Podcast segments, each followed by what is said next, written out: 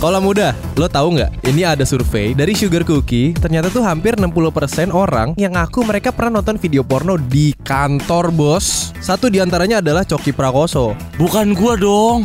Gua nggak suka nonton film-film gituan. Masa sih? Gue kalau ada link doang gue pencet. Sama aja.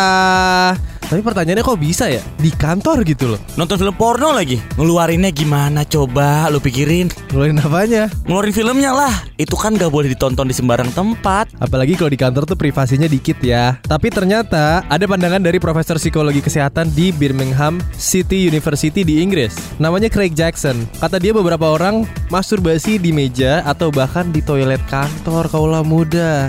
Di mana dia mencatat kegiatan ini tuh jadi pelepas atau mekanisme mengatasi stres saat bekerja. Dan Profesor Craig Jackson nilai kalau pegawai kantoran itu sering ngerasa diabain, kurang bermanfaat, kurang tertantang sampai mereka ngerasa nggak dipromosiin kalau kerja. Jadinya mereka tuh ngatasin situasi nggak menyenangkan kayak gitu ya lewat video porno. Malah nih ada contoh yang lebih parah. Jadi ada mantan penulis gitu buat New Yorker namanya Jeffrey Tubin.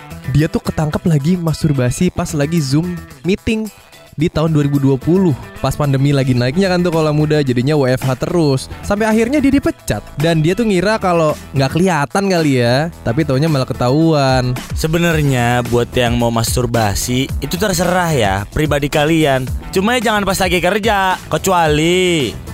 Nggak boleh juga lah, nggak ada kecuali.